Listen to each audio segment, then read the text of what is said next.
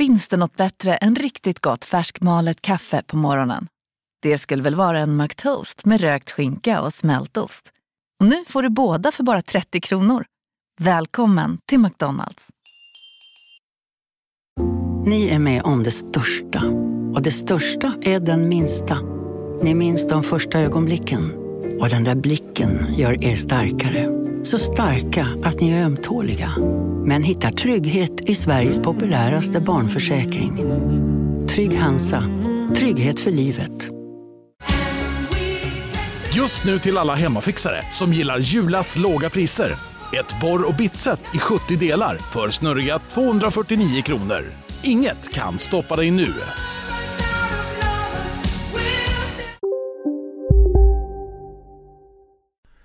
Vill du lyssna på fler poddar efter dagens avsnitt kan du alltid ta och lyssna på Skarpt Podcast som handlar om djupare och samhällskritiska frågor och även på Magic Monday ifall du vill höra något lite mer spirituellt. Vill du veta mer besök gärna deras Instagram skrpt.se och magicmonday.se. Nu börjar Spökpodden.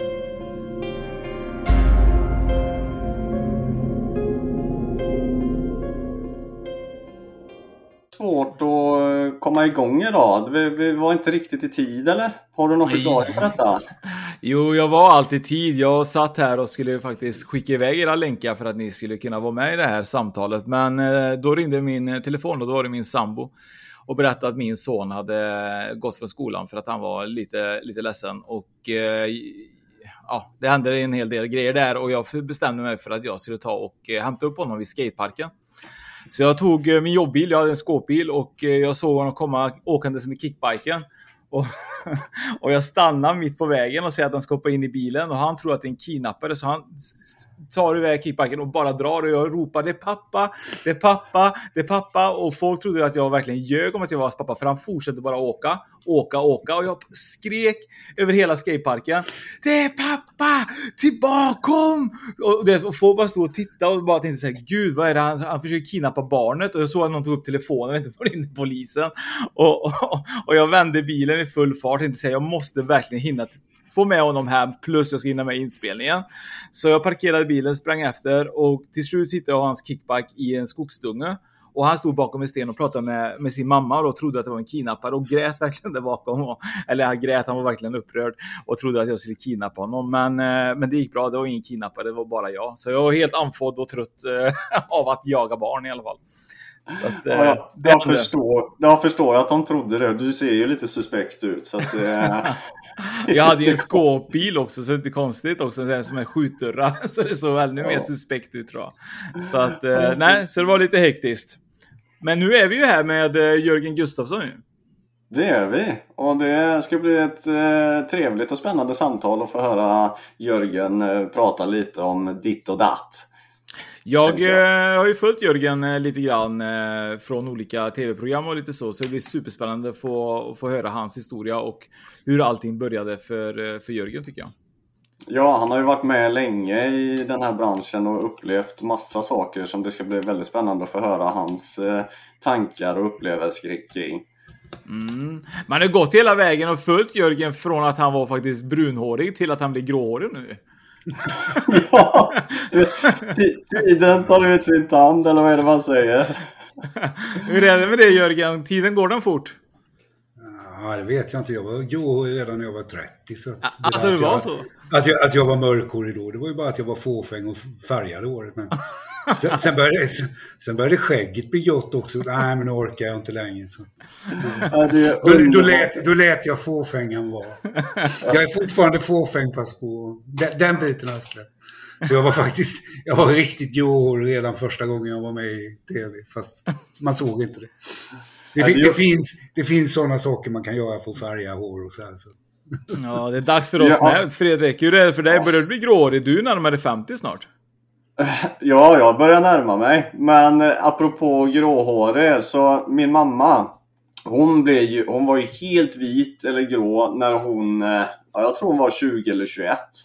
Sen har hon jobbat, eh, hon var ju frisör i hela livet så att apropå fåfänga, så jag, jag känner igen mig i det där Jörgen. Jag är ganska mm. fåfäng och i och med att jag har haft en mamma som alltid har fixat mig i håret och sådär så Så har ju det varit en, en fördel. Men apropå det gråa håret så ja, jag är ju väl lite grå i skägget men det är mest det. Jag var ju nästan kritvit i håret när jag var liten men jag blir bara mörkare och mörkare. Får se hur länge det håller i.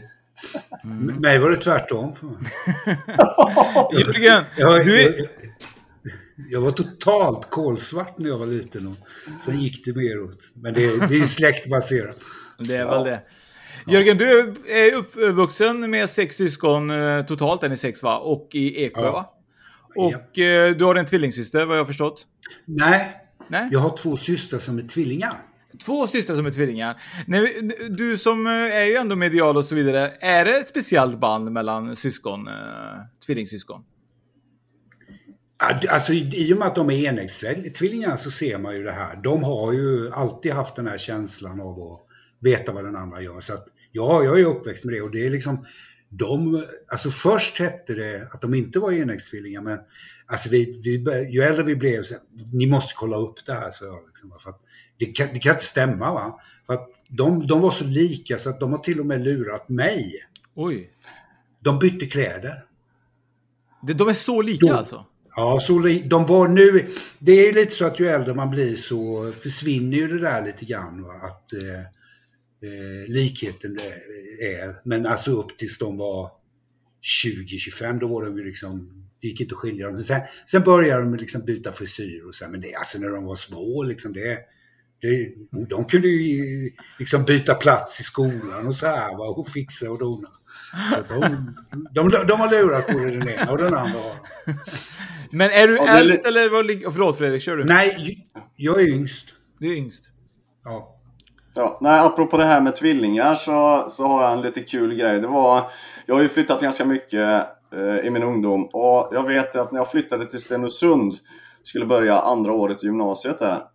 Så hade de skrivit, de hade fått fel namn på mig på klasslistan så de ropade upp en Magnus första dagen där som jag kom. Och jag tänkte det, ja men det här var ju lite kul då. Så att jag sa ju Magnus då, tjena det är jag. Och så gick det, nästa dag så kom jag tillbaka till skolan och så eh, sa jag det att eh, eh, jag ska börja här på skolan. Jag var inte här igår men Fredrik heter jag. Ja men vi har inga uppgifter om det, sa de. Nej men jag har en tvillingbror också, sa jag. Magnus heter han, han var här igår. Och det här pågick, jag, hade, vi hade, jag flyttade dit på sommaren och jag träffade ett par kompisar innan då. Och jag invigde en kille, eller ett par killar i det. Så jag tror vi körde ett par, tre veckor i skolan. Att jag höll på att byta kläder och jag bytte klocka och det var så jäkla kul. Så det är Fredrik och Magnus, jag har ett alter ego där. Så, så en dag till slut så undrar man, vänta lite, när kommer Magnus tillbaka? Ja precis, och varför är ni aldrig här samtidigt? Nej, det, där var, det, var, det var riktigt roligt. Var det. Ja, ja, det var sådär. Det, jag vet inte varför jag kommer att tänka på det nu. Det här är ju hundra år sedan som sagt. Jag börjar ju närmare med 50 som Oskar så snällt sa det. ja, ja, det, är då man, det, är då, det är då man börjar gå tillbaka i tiden. Eller hur? Man lever i det förflutna. Det var bättre förr, säger de. Det var bättre förr, ja. Jörgen, när kände du att din resa med det spirituella och eh, det mediala började? Alltså egentligen var det så här att jag fram tills jag var... Tills jag fick mitt första barn och då var jag, vad var jag då? Nu ska vi se, måste jag tänka. 34 var jag. När jag fick mitt första barn. Och innan dess så var jag alltså totalt. Jag hade bränt sådana som mig på bål. Det liksom var det så? Inga, ja, ja, det var riktigt. Alltså, i och med att, i och med att vi har, alltså min pappa dog ju när jag var 13 år. Han trillade ner och slog ihjäl han var bara 52 år. Och eh, sen miste jag min äldsta bror och hans son när jag var, nu ska vi se, jag var 25. Nej, 27, jo 25 var jag när jag miste min bror och hans son. De dog i en bilolycka. Och mina systrar hade ju, alltså, speciellt då mina systrar som är tvillingar, hade ju ett väldigt starkt intresse för det här. Så de gick ju till medium och så här ofta. Och så hade vi ju ändå middagar där vi träffades. Så kom det ju här på tal och det blev ju fullständigt krig, alltså vid matbordet liksom. Jag var ju helt galen när de kom och berättade att de hade varit och pratat med den ena och den andra. Liksom. Så att jag var alltså, super, alltså man, man, kan kalla det skepticism, men det handlar nog mer om en väldigt, väldigt stark rädsla för att det verkligen skulle vara på det viset. Liksom, för att det skulle förändra min verklighet för mycket och plus att jag är uppväxt i ett område där det är ganska frireligiöst. Och då kopplar man ihop sånt här för mycket med religion. Tycker jag. Alltså, eller jag gjorde det. det. det. blev något religiöst bakom det hela. Va? Och det, jag var helt emot det tack vare de här för jag tänkte ju så här, liksom, ja, men om Gud nu finns, liksom, då har man pratat om liksom, att han ordnar allting. Liksom. Ja, men det är ju kanon liksom. Han tog min farsa, han tog min brorsa, han tog min brorson. Liksom. Vad, vad är det för Gud? Liksom. Alltså, jag blev totalt frånvänd allt sånt som gällde trosuppfattningar. Men sen gick det fram tills jag var 35 och då hade vi fått barn och så en av, en av mina systrar som är tvillingar, de, bodde i Göteborg och hon var gift med sin kille och han jobbade på Pampers. Och vi hade det inte så bra ekonomiskt och jag, de skulle åka förbi mig, sa de. Och så kommer de och har fyllt en hel jävla herrgårdsvagn med en kombibil med blöjor liksom åt mig och min, min äldsta dotters mamma. Liksom. Alltså, vi, får, vi får hur mycket som helst. Och in med det. Och det var ju hur tacksamt som helst. Men som en händelse så var det så att bägge systrarna var med och så var det med en kvinna till. Och då var liksom, vad fasen är det hon med? Vad är de med? Så då ställde jag frågan, vad, vad, vad ska ni göra? Vi ska åka till ett medium. Ut! så det blev lite sådär, jag kastar ut mina systrar och deras väninna för att de ska åka till ett medium där de har kommit och är hur snälla som helst och ska ge oss det här. Liksom. Så de åker iväg och då säger min äldsta dotters mamma, liksom, vad håller du på med? Är du helt dum i huvudet? Så jag ringer upp min syster, då liksom har jag kommit till sans inom mig. Så jag ringer upp och säger, ah, jag måste be om ursäkt. Men det är så att jag ska ha numret till det där mediet ni ska till. Alltså jag berättar inte varför, utan jag säger bara, och då blir de livrädda, för då tror de att jag ska ringa och skälla ut den här människan då som de skulle åka till. Och så, nej, jag har kommit på det. Är det så att ska jag diskutera det här i framtiden, då ska jag veta vad det är jag diskuterar. Där vände det. Då åkte. Och det roliga var att mina systrar ja ja du ska få numret. Det är jättebra tyckte de att du ska åka dit. Så jag fick numret. Men du kan glömma att du får tid. Det tar, han har liksom ett halvårs väntetid. Ja ja, men har jag väntat i 35 år då kan jag vänta ett halvår också. Mm. Men det slumpar sig så att jag ringer till honom och så får jag, jag heter det, jag vill ha en tid. Jag nämner ingenting om mina systrar eller någonting. Utan jag är, nej, han ska inte veta något. Och då slumpar det här är augusti. Så att jag får först en tid, och det får jag redan i oktober. Och det är så att om man kommer till det med detaljer, jag kommer ihåg att ah, du kan komma den 16 oktober och det var min pappas födelsedag. Oj. Där började jag liksom, där, visst det kan vara en slump, det kan vara, men det är ändå märkligt kände jag. Det här är väldigt, väldigt märkligt. Och sen går det ett par timmar och så ringer han igen.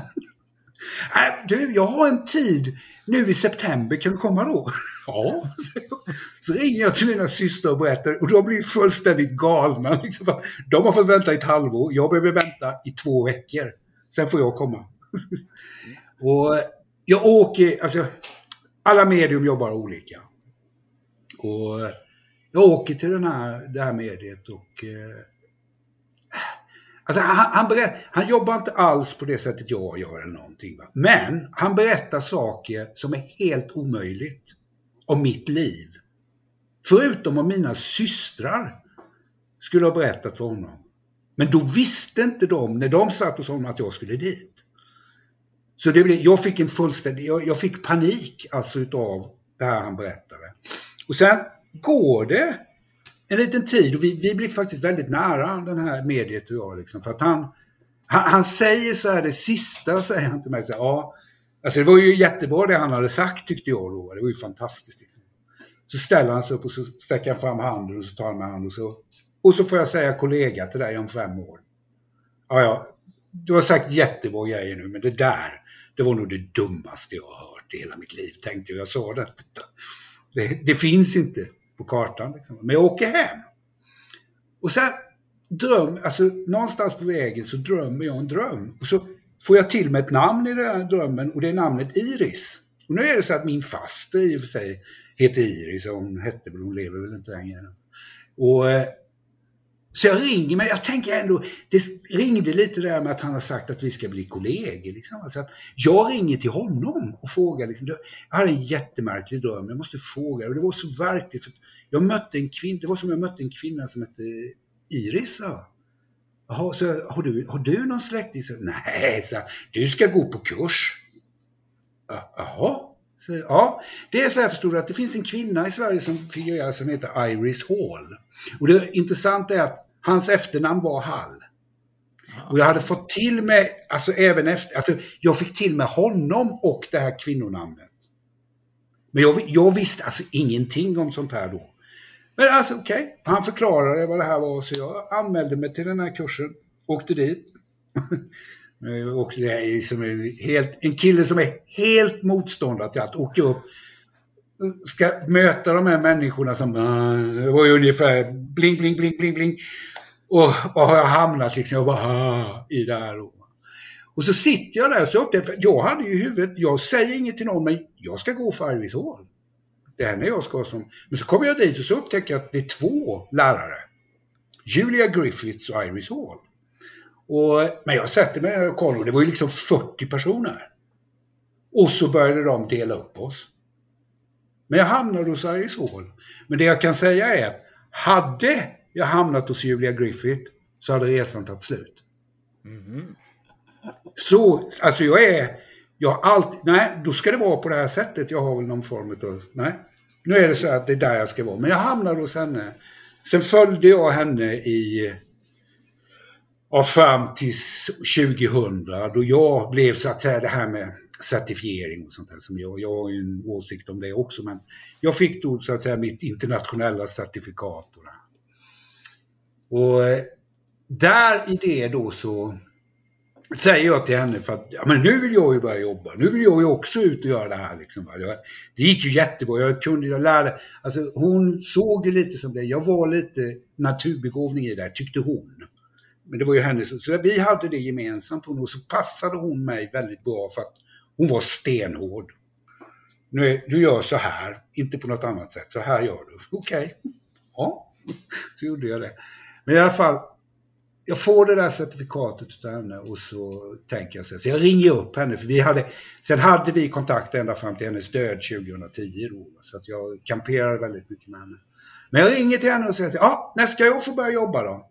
Då, då säger hon det jag tycker blir så flummigt som det bara finns, ja men låt dem ta hand om det. Okej, okay. tänkte jag, då får vi låta det vara så. Och det tog 48 timmar, gjorde det. Så ringde de från TV. 48 timmar. Ja, från det hon hade sagt, låt dem ta hand om det, så tog det 48 timmar, så ringde de från TV.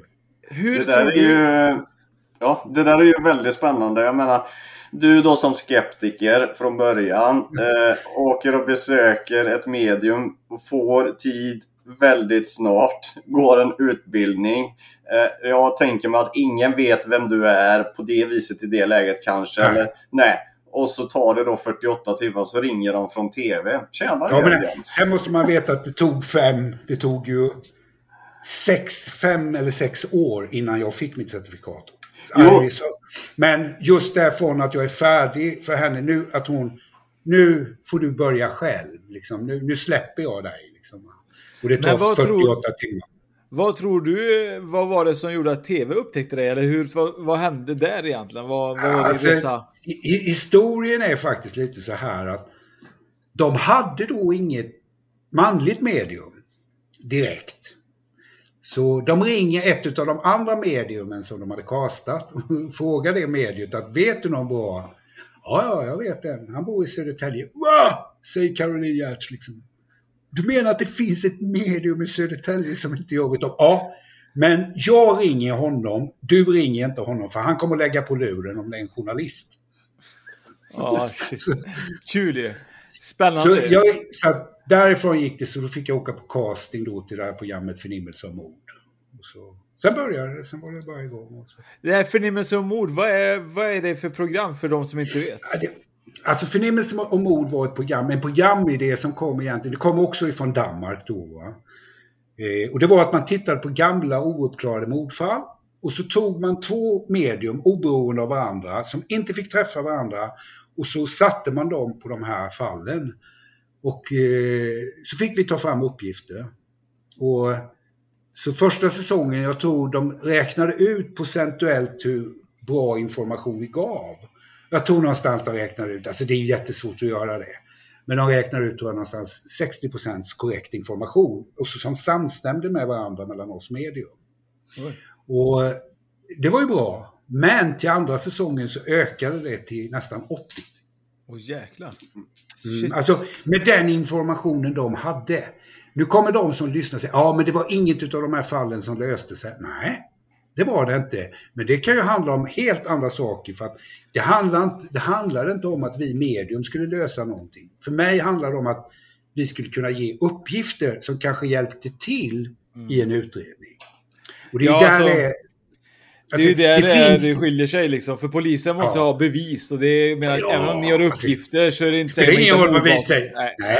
Nej. Alltså, det är så många detaljer. Det, det är likadant som... Alltså, jag hoppar lite. Det en del pratar om det här jag gjorde i Japan, att Jörgen löste. Nej, jag löste ingenting. Jag gav information som gjorde att man hittade kroppen efter, eller benresterna efter den här flickan som hade varit borta i tio månader. Men innan vi går över till den Japan-spännande resan ja. så tänker jag lite grann det här med förnimmelse och mord och så. Hur, det, hur ser det ut i dag, dagens läge? Blir det lite, blir det lite mer liksom etiskt fel om man skulle göra om det 2021? Eller, hur, eller skulle folk tycka uppskatta det lika mycket tror du?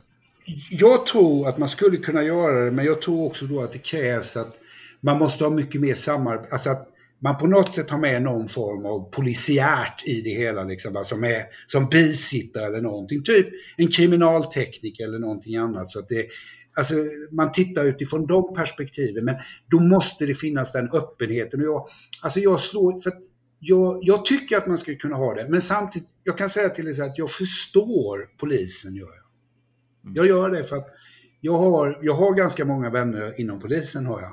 Och mellan raderna kan man ju förstå vad jag säger ja. när jag säger det. Ja, jag, kan, jag, jag kanske jobbar inkognito ibland. Alltså, att jag har sådana som ringer. Men är det vanligt inom polisen att ta in medium äh, i nej, det? Nej, nej, det är inte det. Nej, nej, alltså, man måste se det så att de gånger jag har fått frågor och så, det är när, de, när det har gått helt i stå. Alltså att vi kommer ingenstans mm. i det.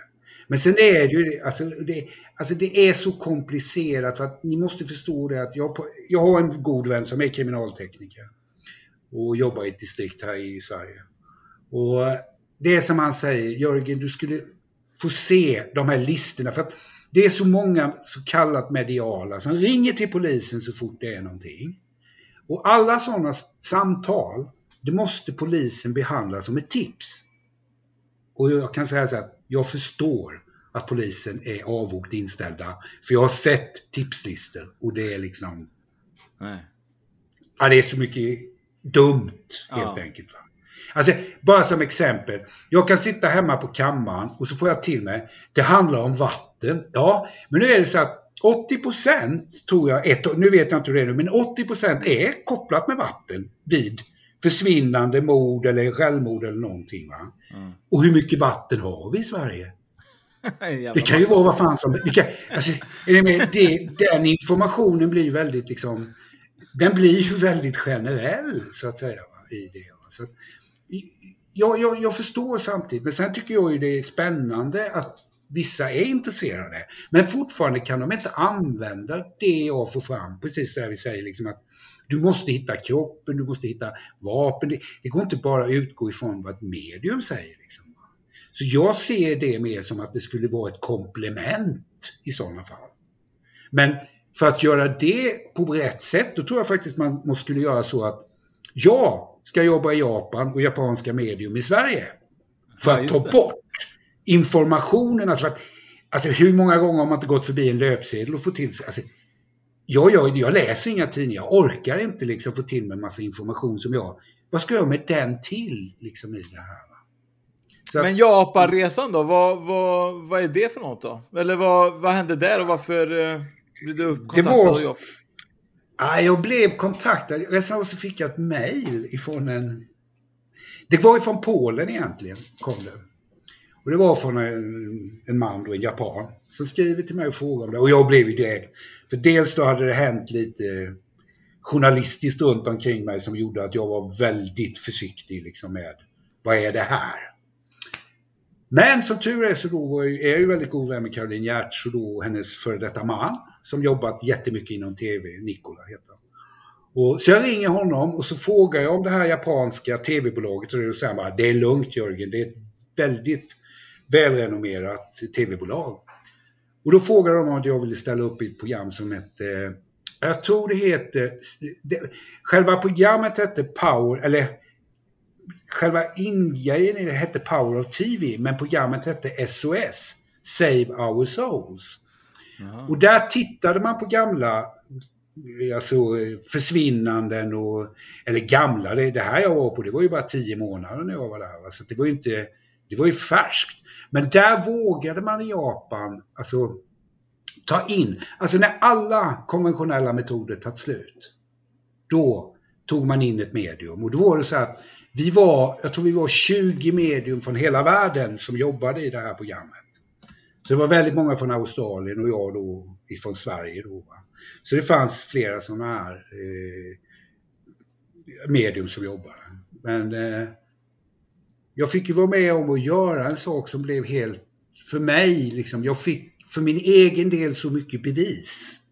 För jag kan ge information som kan hjälpa. Och det var också där jag lärde mig att ju mindre jag vet, desto bättre information kommer jag ge. För att man pratar mycket om det här med cold reading och så här, men jag kan säga till i Japan, det funkar inte med cold reading för det är som att prata med stenar. De bara, hej, hej, hej. Alltså, finns, var inte någon form av reaktion när man sa någonting oavsett om det var rätt eller fel. De var bara helt så att första gången jag var där så jobbade jag dels då med det här fallet med den här flickan. Sen jobbade jag med ett dubbelmord också, som inte har visats i Sverige. Jag har det själv inspelat, eller jag har det programmet själv. Och eh, det var egentligen så att det programmet som jag gjorde, där den här flickan fann, alltså det blev då, jag åkte dit.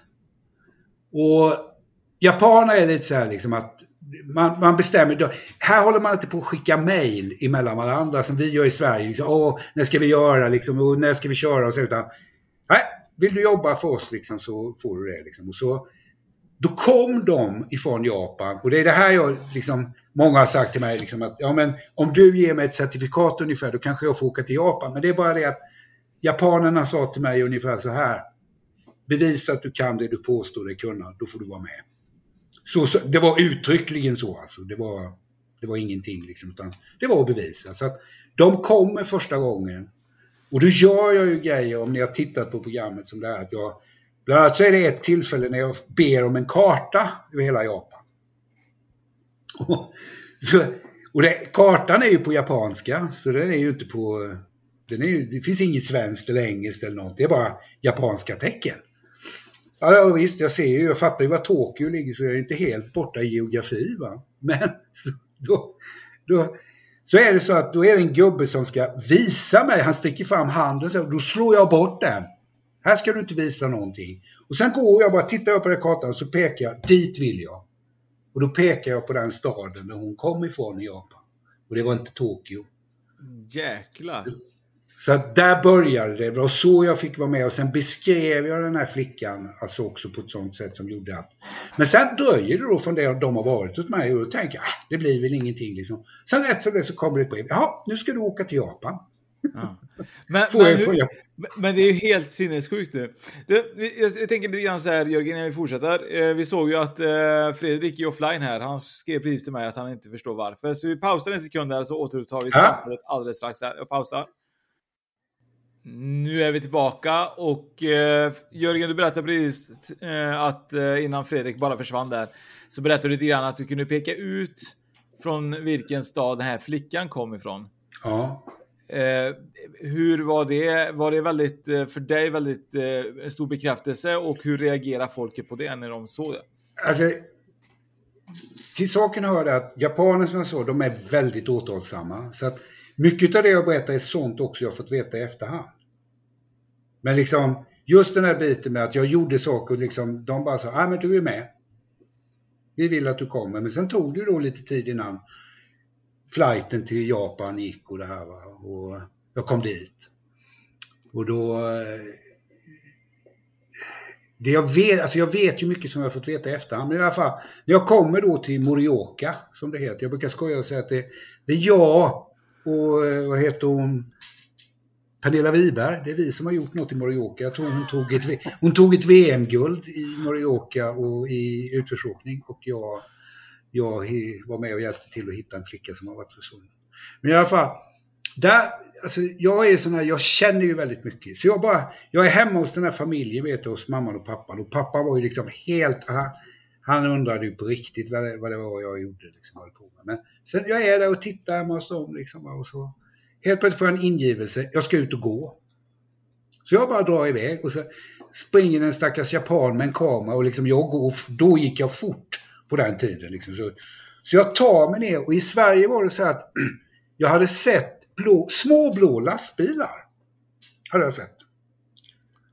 Och det kan ju finnas hur många som helst i Japan, liksom, de är 130 miljoner människor där. Så att, men i alla fall, jag såg de här blå lastbilarna och så går jag den här vägen och jag vet ingenting, jag vet inte vad det är jag går eller något för jag har aldrig varit där. Så jag bara går dit. Och rätt som det så kommer jag till ett ställe och så tittar jag ner till höger.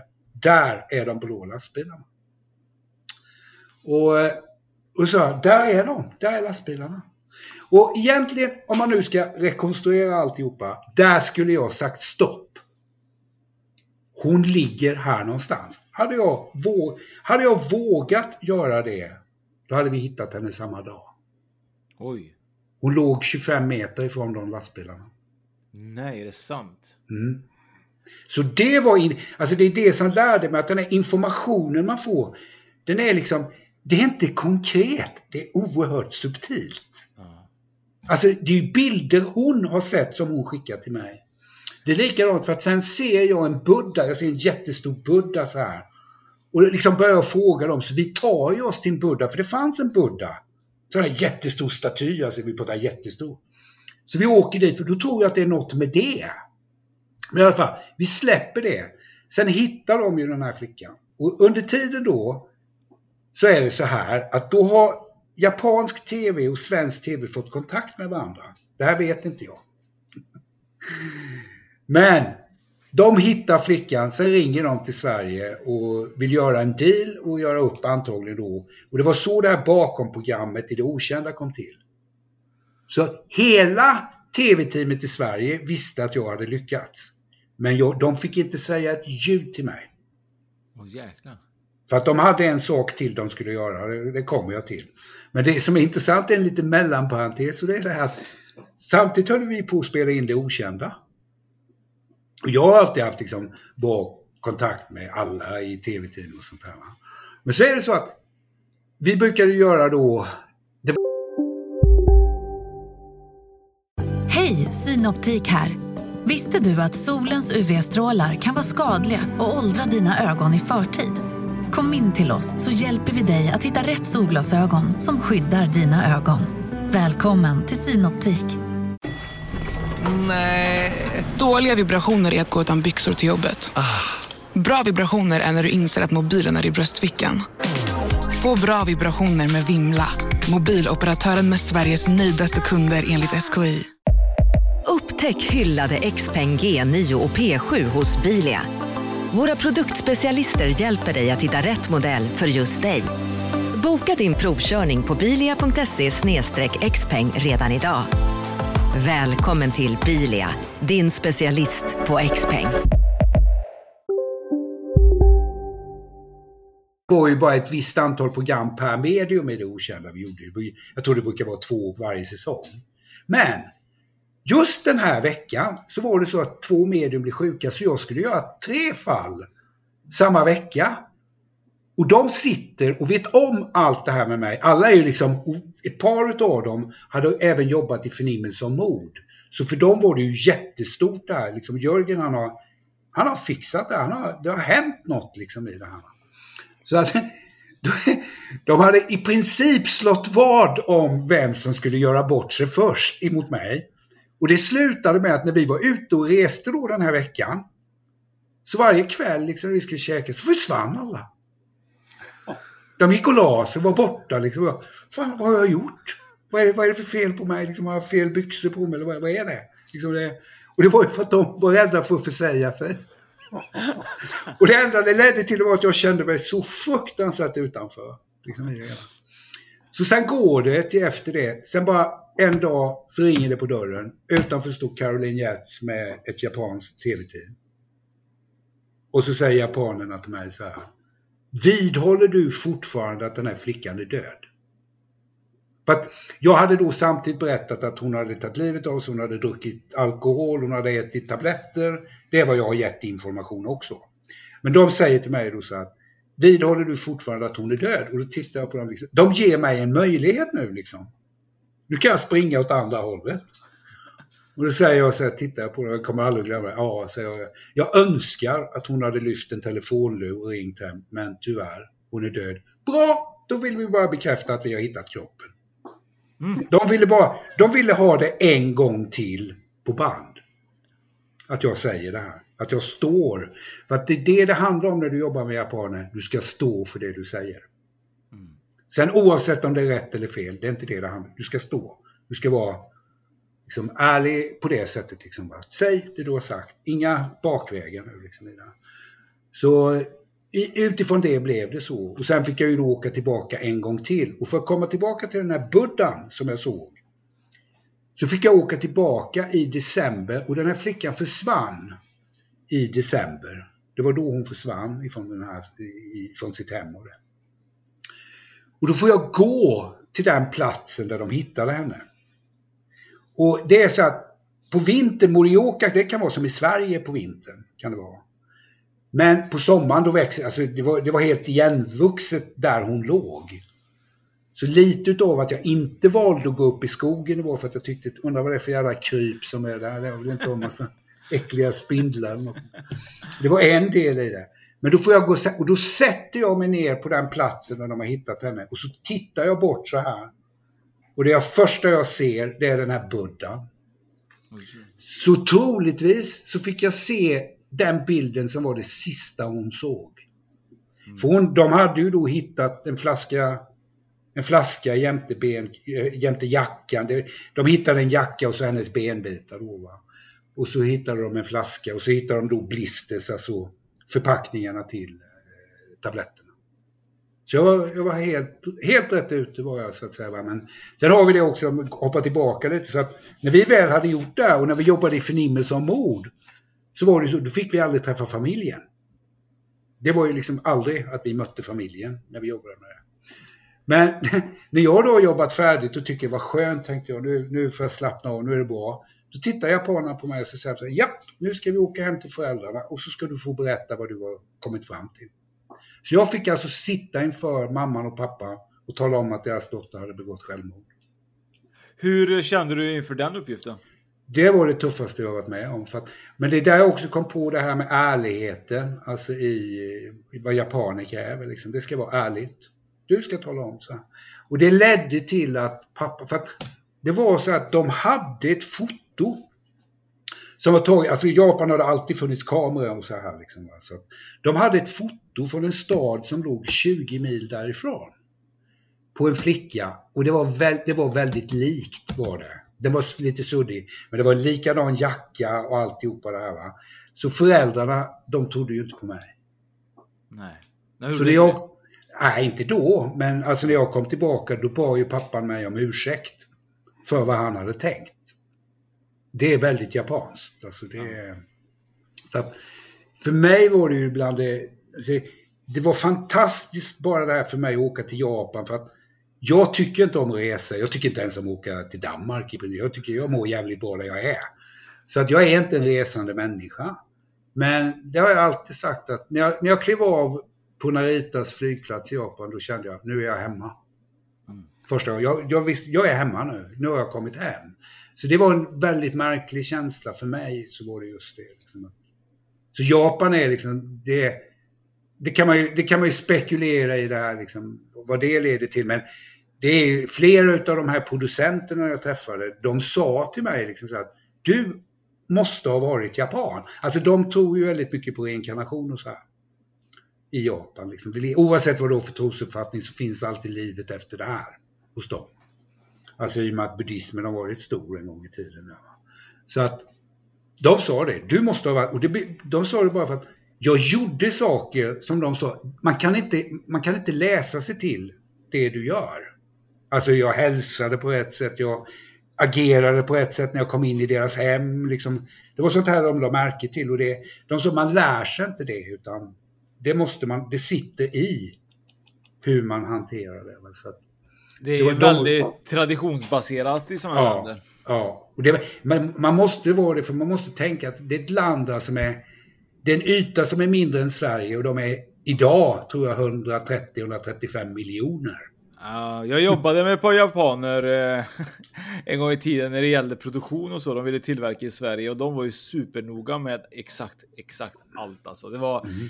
trådar som var, om de var, alltså, om de var lite jag tänkte på insidan av en sömnad, alltså på insidan ja. av en jacka. Om tråden bara stack ut lite. Mm. Du vet, det var typ så här, så får det inte vara. Alltså, det var ju, de är så petiga och noga i Japan. Ja, ja. Alltså det är, jag, brukar, jag brukar skoja och säga det är ett helt folkslag med lite autism. ja, lite så kan kändes ja. ja, men alltså, Jag får bara, eh, för att återgå till Japan där, så i ja. början så sa du det att det var som det var jättestor skillnad på Sverige och Japan just det att de faktiskt valde att plocka in ett medium eller dig då. Mm. Eh, vad tror du är den största skillnaden på svensk japansk kultur eller vad, tror du att gjorde att ja, men det de faktiskt det... ser det på, på det sättet som de ser det på? De vill lösa ett problem. Ja, men det... Ja, sen, nu, sen, sen hur det går till, det bryr de sig inte om. Men vi ska lösa problemet. Ja, du tänker att de, eh, de ser resultatet framför ja. vägen till resultatet ja, på ett ja, annat sätt. Och sen, sen är det väl som du säger, de tror ju på reinkarnation och de har kanske ett annat mindset överlag. Eh, så. Så att det, liksom jag var ju, alltså, det var ju lite skruvat där liksom för att jag, jag var ju aldrig lämnad, jag hade alltid en japan med mig. Va? Så, att, så det här att jag, många har ifrågasatt varför fick du inte komma tillbaka? Och det var det det handlade om var det faktiskt det andra fallet jag jobbade med. Jag, alltså, där gjorde jag... Där står jag framför en karta som de har satt upp över... Ja, jag tror det är Nagoya, Osaka, Tokyo. Alltså de ligger ju, de är i stort sett ihop. Men det området hade de satt upp en karta så här på väggen. Och så frågar de, märker du någonting? Säger de till mig, eller typ så här. Och då går jag fram och så bara, dit vill jag, så pekar jag på kartan. Och då pekar jag ut det sista spåret som de har efter den här mördaren när han hade parkerat sin bil. Och det här, det har jag sett då i det programmet när, när tv-teamet visar det här för två poliser, två japanska poliser. Då sitter de, då står tv-teamet bakom och filmar och så ser man ryggen på de här japanska poliserna, de är ganska strikta. Man ser bara bakifrån hållningen liksom. Va? Och så ser de när jag gör det här, då ser man hur de två tittar på varandra och så skakar de bara på huvudet. För de vet att det inte är möjligt. För det är en, det är en hemligstämplad information. Jäklar. Men känner du någonstans Jörgen, eh, jag tänker Fredrik, jag hade ju nästan blivit knäpp på att försöka lösa mord. Att man på något sätt, vad man än läser så blir det så här, ah, saknad flicka 14 år. Ja. Och så börjar man tänka typ i huvudet, typ så här, ah, vad kan hon vara, kan jag rädda henne? Blir det så? Eller tänker Nej, jag fel? Jag, jag tänker, för det är något jag lärde mig, det lärde jag mig i förnimmelsen, man måste släppa det liksom, för att det går inte. Man blir tokig liksom och sen är det det att jag är ju då väldigt, jag är kritisk för att för mycket kan jag ju liksom, som i Sverige till exempel, där, vad har jag sett i tidningar? Vad har jag sett på löpsedlar? Alltså just det, det är därför jag menar på att det vore bättre att man crossovers med medium. Är ni med? Mm. För då får du det jag är ute efter, att man, man har absolut ingen information överhuvudtaget. Nej, det handlar väl också där, precis som du säger, att faktiskt eh, ta till sig det man får och inte lägga in sina egna tolkningar och eventuella ja. influenser som man har fått utifrån. För det är väldigt ja. lätt att göra det kan jag tänka mig. Det, det, är det i allt medialt arbete, även om det gäller en privatsittning. Det där, jag jobbar ju så stenhårt i mitt jobb. Liksom att man, får inte, man får inte berätta någonting för mig. Så jag har ju alltså bett människor som kommer på sittning att nu får du vara tyst. Mm. Ja men tänk så här, om, om jag... Om du ställer en fråga till mig, hur, hur säker kan du vara på att det inte är jag som svarar? Ja. Nej, det är klart. Alltså, och plus att jag kommer att lägga in mina egna värderingar om det är en känslig fråga. Alltså, man måste ju tänka, jag är ju jag är inte hjärndöd, hoppas jag i alla fall. Det är, nog det, det är nog en del som tror det. Men, i och men är ni med? Alltså, att, och jag har ett väldigt aktivt kreativt sinne men samtidigt tror jag det krävs det också för att den här informationen är ju subtil. Det är bilder, det är känslor, det är ord. Och allt det där ska jag tolka.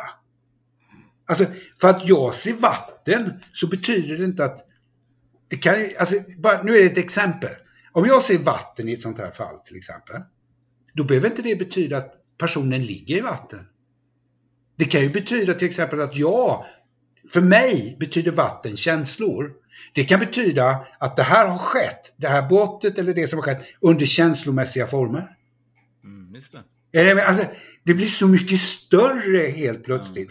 Och det är det här jag vill lära människor att förstå att man måste tolka informationen. Så att jag säger alltid numera så att informationen jag får, den kan aldrig vara fel. Nej. Ni kan aldrig höra fel. Men jag kan tolka fel. Jag tänkte på när man googlar på Jörgen Gustafsson lite grann så, så får man ju upp eh, att du var med i en eh, MC-olycka. Stämmer det? Och ändrar det någonstans din uppfattning av livet också? Nej. det, är, det är sånt som händer. det, det, det, är sånt som händer. Ja, Nej, men- alltså, visst, alltså, det, jag har ju varit med, alltså, om vi ska gå tillbaka till olyckor så när jag var 23 så blev jag överkörd av en terrängbil 20 som väger 3,5 ton. Som gick rätt över hela kroppen på mig på ett regemente i Eksjö på ren asfalt. Åh jäklar. Och jag reste mig upp direkt efter och gick därifrån. Oj. Och det, här finns, ja, och det här finns dokumenterat så det är liksom, det är, jag hade alltså däcksmönstret i den här overallen. Oj shit alltså. Så du är egentligen supermänsklig då kan man säga? Då. Ja, du eller- överlever, Ja, överlever eller- på olika... Mer, mer än att sådana händelser har fått mig med att tänka så att nej, men jag, har ett, jag har ett visst antal andetag jag ska ta på den här planeten. Det är det jag har. Sen vad som hände på vägen är en annan sak. För att, tittar man nu så den sista olyckan som gick väldigt illa. Och det är ju inte i närheten av den här terrängbilen. Liksom. Här, här kommer jag på motorcykel i 50 och så är det en som kör ut framför oss. Och jag hinner få bort motorcykeln men tyvärr så kanar jag emot en refug. Och slår sönder så att mitt lårben var i 15 delar. Aj, aj, aj, aj, aj. Så att jag är... Så att, och det är liksom, men den olyckan som var egentligen mindre än den första är den jag var närmast egentligen att lämna. För att det, är så, det har de sagt liksom på KS att två av dina frakturer de var egentligen rent dödliga. Liksom det. Jag kunde både Ja. förblött, förblött och plus min ålder så kunde jag fått sådana här proppar i hjärnan och sånt här som oftast det blir när man gör allvarliga frakturer på lårben. Och så. Det kanske var på grund av att du skulle vara med i våran podd 20 år Ja. Det var därför det- du var tvungen att... Men det är, väl, det är väl ungefär som jag sa om 2012. När det var, alla pratade, då sa jag, ja men 2012, att kalendern tog slut, det är bara för att jag fyllde 50. Var det- Ja. Men vad tror du? Har du varit med om någonting eh, så här, en, inte nu Japan och så vidare, det är ju superintressanta grejer, men Ja. har du någonsin fått en super påtaglig känsla eller upplevelse genom din resa som medium som, eh, som var det här var någonting utöver det vanliga? Jag, jag säger, det är så många. Ja. Det är så många. Alltså jag har med de här, som, alltså, den, faktiskt den historien som jag tycker är häftigast så är det min motorcykelolycka. Och då, när jag, när jag har krockat och ligger där liksom med benet i flera bitar där så kommer det en brandman och sätter sig jämte mitt huvud. Och så tittar han på mig och säger så här, känner du igen mig? Nej, säger jag. Jag var ju i medvetande så här. Liksom, och så här Nej, jag inte. Nej, det är, jag var hos dig för tio år sedan, men vi tar det sen. Det här, alltså, det här är den mest skruvade grej som jag har varit med om. För att efter då, alltså vi behöver inte gå in vad som helst. Jag åkte ju ambulanshelikopter och allt möjligt där. Men efter det så tar jag kontakt med honom. Efter sjukhus när jag kommer hem. Så han kommer hem till mig. För att jag, jag blev så oerhört nyfiken. Vad är det här för någonting? Vad, vad, hur, hur är jag kopplad med honom? Då kom han hem och så berättade han. Jo, det är så förstår Jörgen att jag... Och jag får berätta det här för honom. Han heter Daniel heter han. Och eh, Då sa han det, det är så att jag var hos dig Jörgen för 20 år sedan för jag ville bearbeta en sorg. Efter min pappa som gick bort. Och jag gick till dig, jag trodde inte direkt på sånt här, men du, du nailade allt. Hans pappa dog i en mc-olycka. Hur stor chans är det på en karta att tio år senare får han sitta och hjälpa mig vid en mc-olycka? Mm. Det är Den nog sta- förbestämt. Den statistiken kan man fundera på lite, lite grann. Alltså det blev, det blev outstanding. Han sa ju likadant. Alltså det är helt skruvat är det liksom. Att han, han får möjligheten att på ett sätt... Jag hjälpte honom så mycket så han fick betala tillbaka. Och hjälpa Tror- mig. Så, Tror du att det har lite, att livet går ut eh, lite på just att vissa människor möts på grund av att kanske längre fram eh, ha en, en gemenskap? Ja, det tror jag. Alltså, det, det, det, det här är en komplicerad fråga tycker jag. För att jag tror inte på att saker är förutbestämda så. Däremot, alltså man menar på, jag, jag har ju inte valt min olycka. Men jag har valt känslorna runt omkring den. Är ni med? Jag har valt att gå igenom de känslorna, det har jag valt. Men det finns så många händelser till som skulle kunnat skett som hade skapat samma känslor hos mig. Är ni med? Så att det är där jag Jag måste få ihop det så för att skulle allt vara förutbestämt, då förstår jag inte syftet alls. Nej. Är ni med? Nej, det är klart. Men- så är det. Nej, det så, så är men det. däremot, tro- jag tror det finns en massa möjligheter. Jag, jag säger alltså att jag tror inte på spårdomar, jag tror på möjligheter.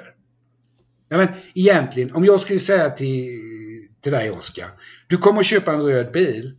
Då är det så att, ah, jag vet inte om det är så nu, men för 10-15 år sedan så hade jag haft rätt till 60% För 60% av alla bilar var röda då. Ja, just det. Är du med? Jag ger dig en aff- affirmation. Det blir ungefär, jag hörde du har barn. Det är ju samma sak som när man ska bli pappa. Helt plötsligt ser man en väldigt massa fler gravida kvinnor och barnvagnar. Det, liksom, det bara exploderar liksom. Och det, det är ju inte att det blir fler. Det är ju för att Nej. jag har, jag har fokus åt det hållet. Och Så så, att- tror jag nog att, det att du, du ser oftast det du letar efter kan man väl säga. oftast. Precis, Ja. det gör du. Och så, det, kan, det måste jag ju vara så liksom, lite krass vad det gäller det jag jobbar med också. Tänka så att, alltså, det kan ju vara så att jag söker vissa saker, liksom att det blir så. Men i det så känner jag att jag har hjälpt för många. På tal, jo, jag har en annan sådär, men jag, mina upplevelser är egentligen mer det andra har gett mig. Berätta. Och jag, ja, den häftigaste jag varit med om det var, det var efter min mamma hade dött. Och så hade jag kurs med Iris. Jag jobbade som tolk åt henne. I och med att hon var från England och så jobbade jag som tolk. Och så är det en tjej där som stå- hon ska gå upp och stå inför de andra och prova lite så här. Va? Hon var ny på det här. Och min mamma hon hade väl varit död kanske i fyra år eller något sånt här. Så. Jag hade inte sökt något medium eller någonting, för, jag, för mig tar det lite tid innan. Jag, jag, jag får inte kontakt och jag vill inte själv, utan jag går ju själv till medium. Men i alla fall, hon står där och så börjar hon beskriva en kvinna. Liksom. Eh, ah, visst, det var väl lite sådär, det kunde väl stämma på vem som helst, men så känner det är till mig. Det är det. Så då säger jag till Iris, liksom, jag, jag tog det till mig. Du tror alltid att det är till dig. Je, je, je, je, på, liksom. Och så kom jag på det för att hon brukade alltid göra en grej, Iris, när det inte blev igenkänt. Så här, va? Då sa hon så att, men be den här kvinnan ge någonting som bara den här personen förstår. Och jag ser på den här tjejen, hon får något och jag bara snälla, säg vad det är du ser, säger jag. Snälla, snälla. Ja, men det är så dumt. Nej, snälla, säg det. Det är bara det att den här kvinnan håller fram två stycken så här, två flätor som är så här långa, alltså riktigt långa. Bra så, det är till mig. När min mamma gifte sig så hade hon hår ända ner till arslet. Hon hade dem i två flätor, hon klippte av dem. Jag skulle kunna ta fram dem nu och visa dem. Jag har dem kvar fortfarande. Det är bevis. Shit alltså. Shit. Men Då sa, Fredrik, då sa inte Iris mer något. Jo, hon sa så här. Har du din, mam har du din döda mammas hår i en låda? Ja, ja, alltså. de, kanske, de kanske inte du vill se Fredrik. Men jag tänker lite grann så här eh, Jörgen. Iris Hall. Är det samma person som Terry Evans lär känna också? Eller för jag har för mig att jag hade Ja, intervju alltså- med Terry Evans han pratade också om den här personen. Vem Mm. är det? Alltså Iris var en kvinna som kom hit till Sverige och började jobba. Hon har, alltså Iris hon jobbade i Australien, USA, Holland, överallt var hon höll kurser. Sen kom hon till Sverige när hon blev äldre. Så när jag lärde känna henne så var hon ju runt 70. Och hon var faktiskt den som tog hit Terry. Så är det. Ja, ah, precis. Ja. ja. Han tog, hon tog över honom, eller Julia och Iris tog över honom hit. Och eh, hon var en fantastisk människa. För hon, hon var alltså präst i England. Hon var alltså prästvigd. Så hon hade rätt att eh, viga, döpa och begrava i England. Så hon tillhörde en av de här spiritualistiska kyrkorna. Det finns mängder. Det är som frikyrkorna i Sverige. Så att det, det så att, så att jag är väl den första som hon vigde i Sverige. Jag är vigd på spiritualistiskt. Men vi var ju tvungna att gifta oss borgerligt för att det gällde ju inte här. Hon hade ju inte rätten här så att det var i England.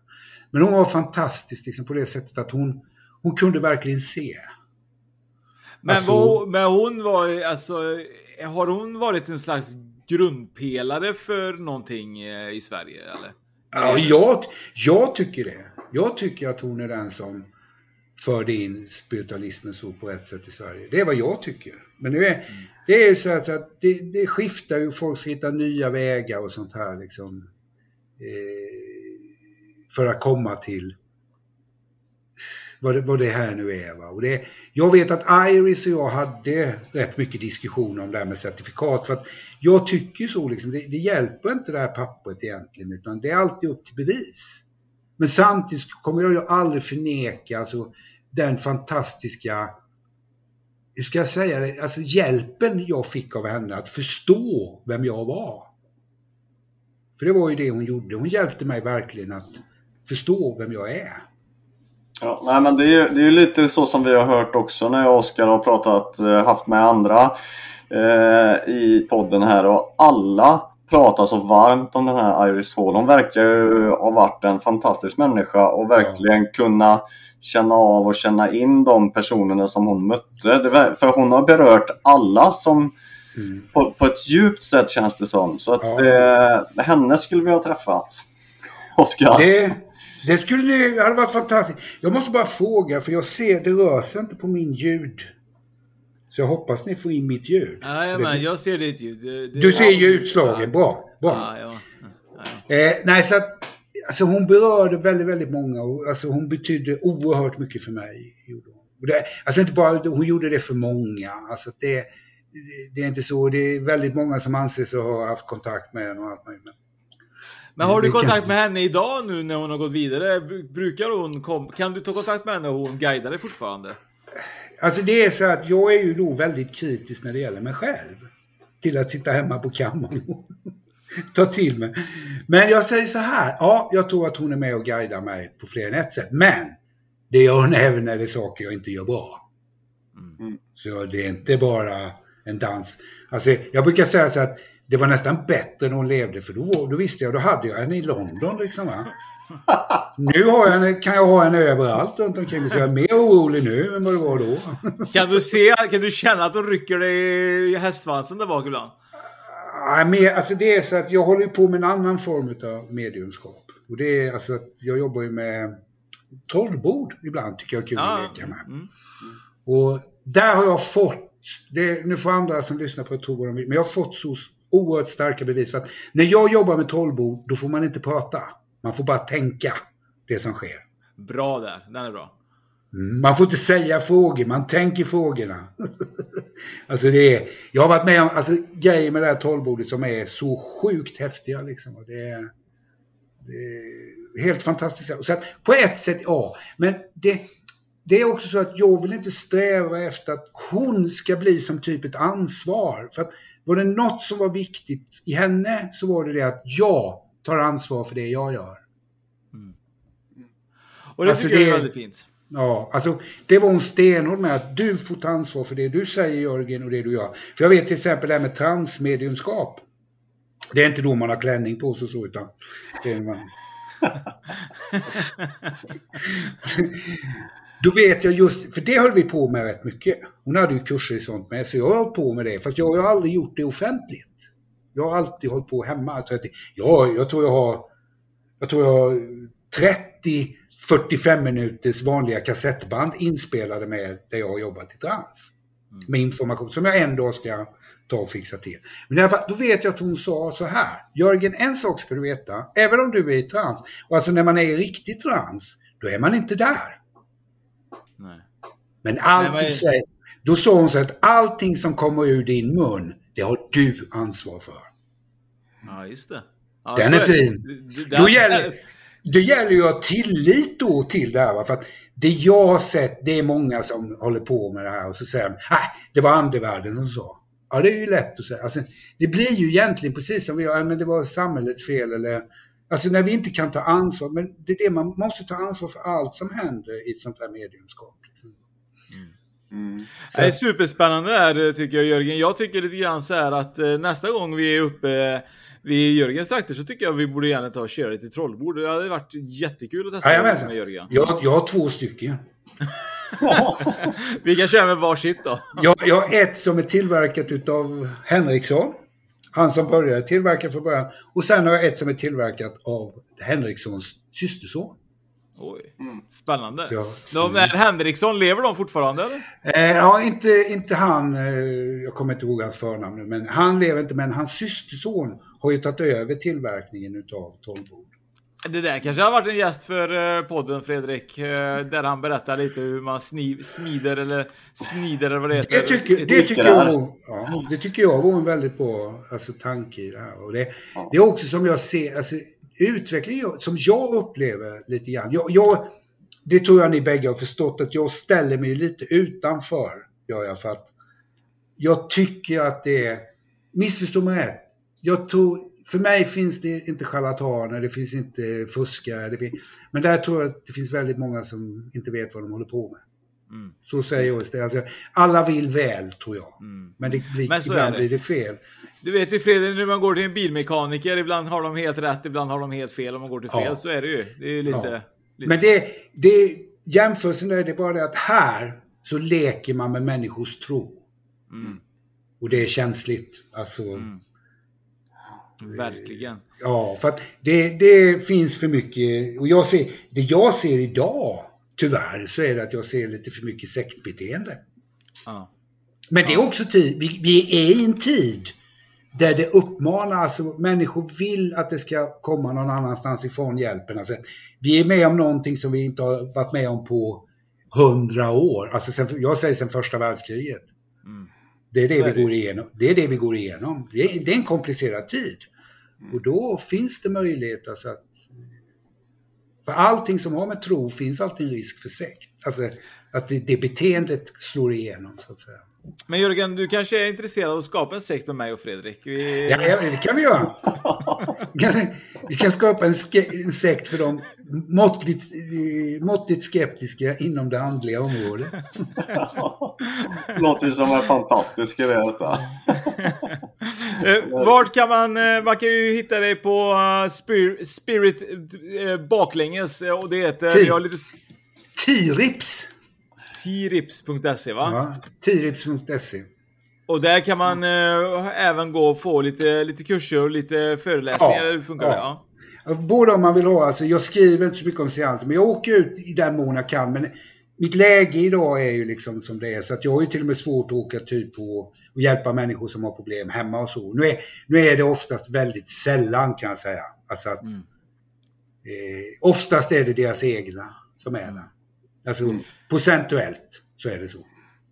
Och som Jörgen säger så är det så att det är lite svårt med eh, seanser nu under pandemin och därför har vi i Spökpodden tagit fram seansonline.se där man kan boka eh, medium som har seanser online. Och eh, man kör egentligen via Easy Teams och man kan läsa hur man ansluter sig på våran hemsida seansonline.se och man kan även gå in där och kolla på li- lite olika datum som olika medium har satt sitt seans på. Kan man säga. Det kan man, Eh. aldrig, man kan aldrig göra det med mig för jag jobbar bara live. Ja, och, och det är ju jättekul och eh, därför får vi se Jörgen på seans förhoppningsvis inom kort. Eh, och vi kanske får gästa någon gång och kolla hur det, Ja. hur det går vägen. Nu, Eh. nu finns det ju möjligheten, för nu idag så har de ju släppt upp. Ja, Du är det får- idag? Ja, man får, vara fem, man får vara 50 stycken. Oj, oj, oj. Då är det reklam för New Kind of Weekend snart igen då, Fredrik. Ja, I nästa poddavsnitt kanske. Nu ska vi börja resa igen här. Underbart. Eh, det, restriktionerna gick upp idag. Skönt. Och, och tanken är att de ska släppas ännu mer första juli.